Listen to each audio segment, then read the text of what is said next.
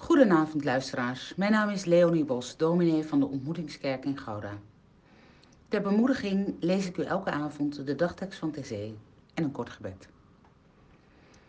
Paulus schreef, iemand die één met Christus is, is een nieuwe schepping. Het oude is voorbij, het nieuwe is gekomen.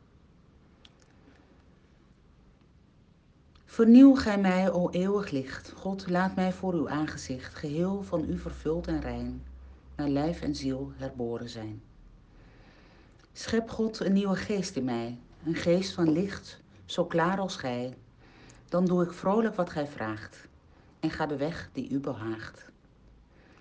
Wees gij de zon van mijn bestaan, dan kan ik veilig verder gaan, tot ik u zie, o eeuwig licht, van aangezicht tot aangezicht.